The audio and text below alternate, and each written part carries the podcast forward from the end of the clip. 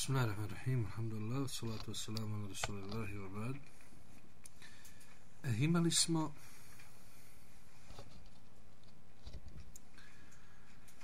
prošli put počeli smo naime govoriti o tevhidu ibadeta, tevhidu ulohijeta, je li tako ili nije? Pa smo vidjeli ovdje da je autor spomenuo nekoliko hadisa koji e, zabranjuju i prijete onima koji obožavaju druge a, mimo Allaha Đerlešanu. Pa smo re, vidjeli hadis koji, za koji autor kaže da je potvrđeno muslimovom sahihu od Ebul Hayyađa al Esdija da je poslanik sa seleme, odnosno Alija njemu rekao da ga pošalje s onim čime ga je poslao poslanik sallallahu alaihi wa sallam, a to je a, ravnanje kaburova i rušenje šta kipova. A u dva sahihe je preneseno da je poslanik sallallahu alejhi ve sallam na samrti rekao لعن الله اليهود والنصارى اتخذوا قبور انبيائهم مساجد neka Allah prokune ili rekli smo Allah je prokleo može značiti hadis dvoje one jevreje i kršćane koji su uzeli kaborove svojih vjerovjesnika za mjesta obožavanja mesajid e, je riječ koja podrazumijeva mjesto na kome se čini seđda ili ibadet Znači svako mjesto, kao što navodi Ibn Taymiye u komentaru ove riječi, gdje kaže svako mjesto na kome se čini seđda, makar i ne bilo građevine na njemu, zove se šta? Mešđid. To smo radili u Kitabu Tevhidu, ako se sjećate. Znači, riječ, inače u arapskom jeziku, koji uče arapski jezik, ovo je jedna fajda za njih. E, imenice kojima se doda slovo M ispred, slovo M ispred, a, one označavaju a, imenice mjesta zovu se. Pa recimo, glagol od meščid je seđede, znači učiniti seđdu. A imenica je seđdetun. E sad, ako dodamo na seđ, seđede ili seđ, seđde, dodamo slovo m, naprijed, imamo šta? Mesđidun. Znači, mjesto na kome činimo seđdu. E sad, što je to džamija, to je drugo, ima propis poseban za jedno mjesto gdje činimo seždu koja se zove džamija. Pa imamo, ali bilo na kojem mjestu na kome se čini sežda je mešćid.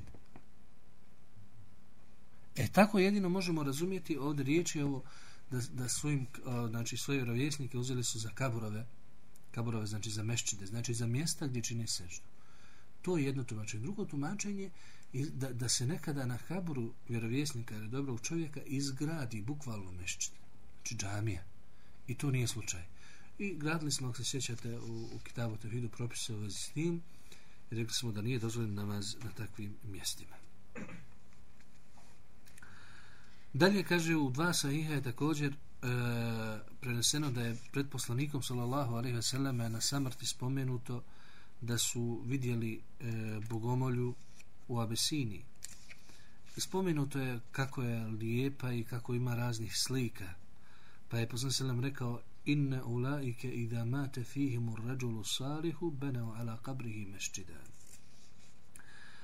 Ti su nakon smrti dobrih ljudi gradili na njihovim kaburovima bogomolje, mešćide. U osavoru fihi tilke tasavir i u njima slikali te slike ulaika shirarul khalqi inda Allahi yawm al-qiyamah to su najgora stvorenja kod Allaha na sudnjem danu da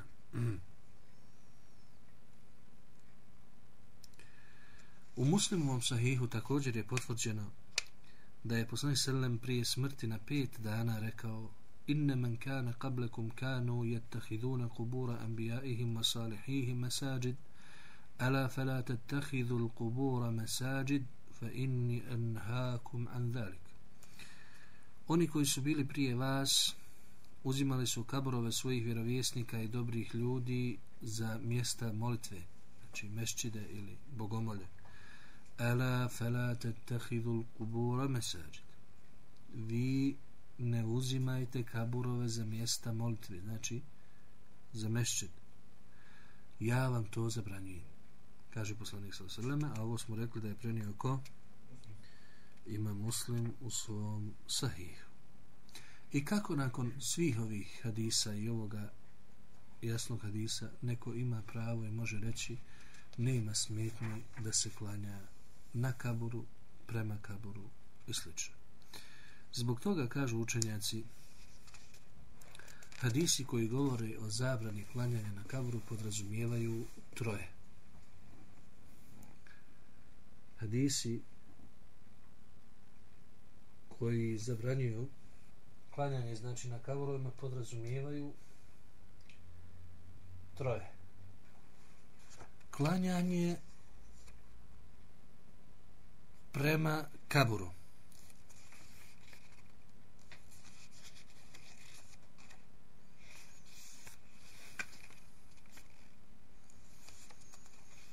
Klanjanje na kaburu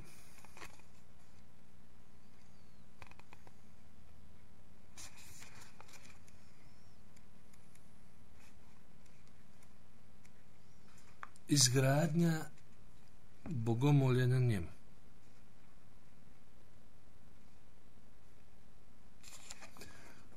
znači šta smo rekli? Klanjanje prema kaburu. Znači uz, ne klanjaš direkt, nego kabur je ispred tebe i znači prema kibli. Jer u redu.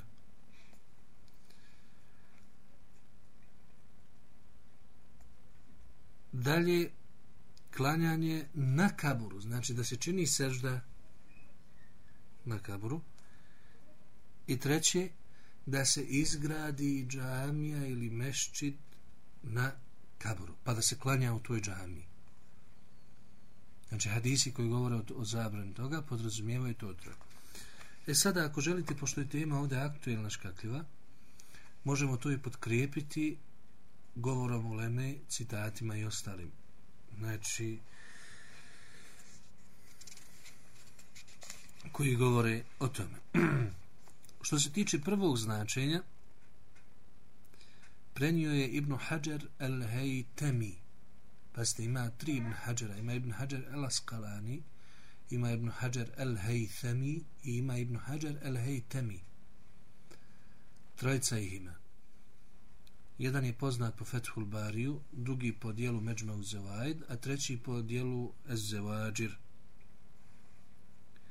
Kaže on u svom dijelu Ez Zevadžir koji govori o velikim grijesima, zabrana se odnosi naklanjanje na kaburu ili prema kaburu. Također je rekao Sanani u dijelu Subulu Salam, znate ovo dijelu Subulu Salam što je prevedeno? A? Vidjeli ste na jedan džuz ima veliki Subulu Salam, zove se Putevi spase ili tako nešto. Njega u fikhu. Komentar na hadise. Pa kaže on, uzimanje kaburova za meščide je širih značenja od klanjanja prema njemu ili klanjanja na njemu. Znači, ovo to je bio Suvlu Selam, prvi tom 214. Znači, u kojem značenju govorimo? O značenju da se klanja na kaboru, jel tako? A vidjeli ste da ima i prema kaboru. A što se tiče klanjanja prema kaboru, spominje Al-Menavi u dijelu Fejdul Kadir.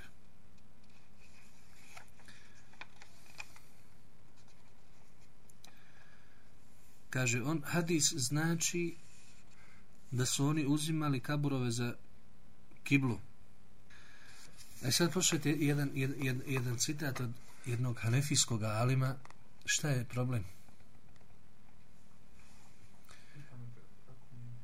El Menavi jedan citat od jednog hanefijskog alima koji se zove Ali El Qari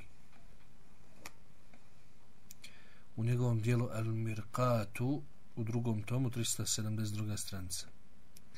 Kada je naime govorio o razlozima zabrane, znači Ali Al Qari u dijelu Al Mirqatu drugi tom 372. stranica. On kad je govorio o razlozima zabrane u tom hadisu kaže zabrana je da se uzme to za, za kiblu, da se klanja prema njemu, ne na, na kabru zbog toga što je tu veličanje kabura kao da je na stepenu božanstva. Znači, on govori o čemu? Govori o tome da, da čovjek klanja prema kaburu, ne da obožava, Allaha obožava, klanči znači, klanja Allahu. Kontate to. Klanja čovjek Allahu, ali mu je prema kibli kabur. Znači, ispred njega. Čovjek klanja Allahu, ali tu je kabur. Kao što recimo groblje ili, ili, ili recimo čak i mešćida koji ima kaburova kao što je slučaj kod nas. Kaže, zabrana je iz tog razloga što se time veliča taj kabur kao da je na stepenu božanstva. A kada bi veličanje uistinu bilo kabura, znači kada bi uistinu bilo veličanje kabura ili onoga koji je zakopan u tom kaburu, to bi bio kufur, nevjerstvo. Dalje kaže tako nešto raditi je veoma pokuđeno i smatram da je haram. E sad slušajte jednu meselu interesantnu. U tom kontekstu ili u tom značenju je istavljanje umrlog ispred klanjača a nažalost dešava se to i mekelijama jer stavljaju umrlog kod Kabe, potom obavljaju namaz. O čemu govori Ali Elkari? Hoće da kaže vi znate da se dženaze tamo klanjaju kako? U džami pa ide se ukop. Kontate to. E, on kaže veoma je ružno i zabranjeno smatra on, da se donese dženaza prije farz namaza. I sad klanja se prvo farz, pa se onda klanja dženaza posle. I onda dženaza se stavi prema, prema kibli prije i onda kad se završi farz, ustane i kaže klanjamo dženazu i onda ustano se klanja dženaza. Kaže, što je veoma pokuđeno i zabranjeno. Zašto? Zato što ispade.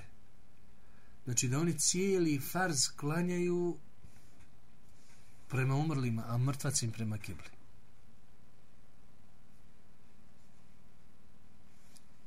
Kontate to.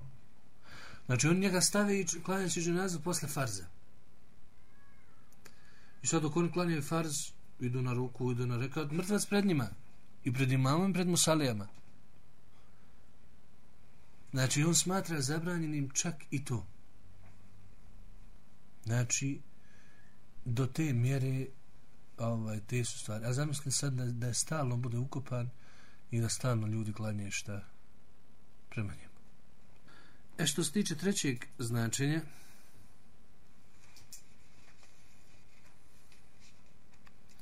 njega je spomenuo imam Buhari u svom sahihu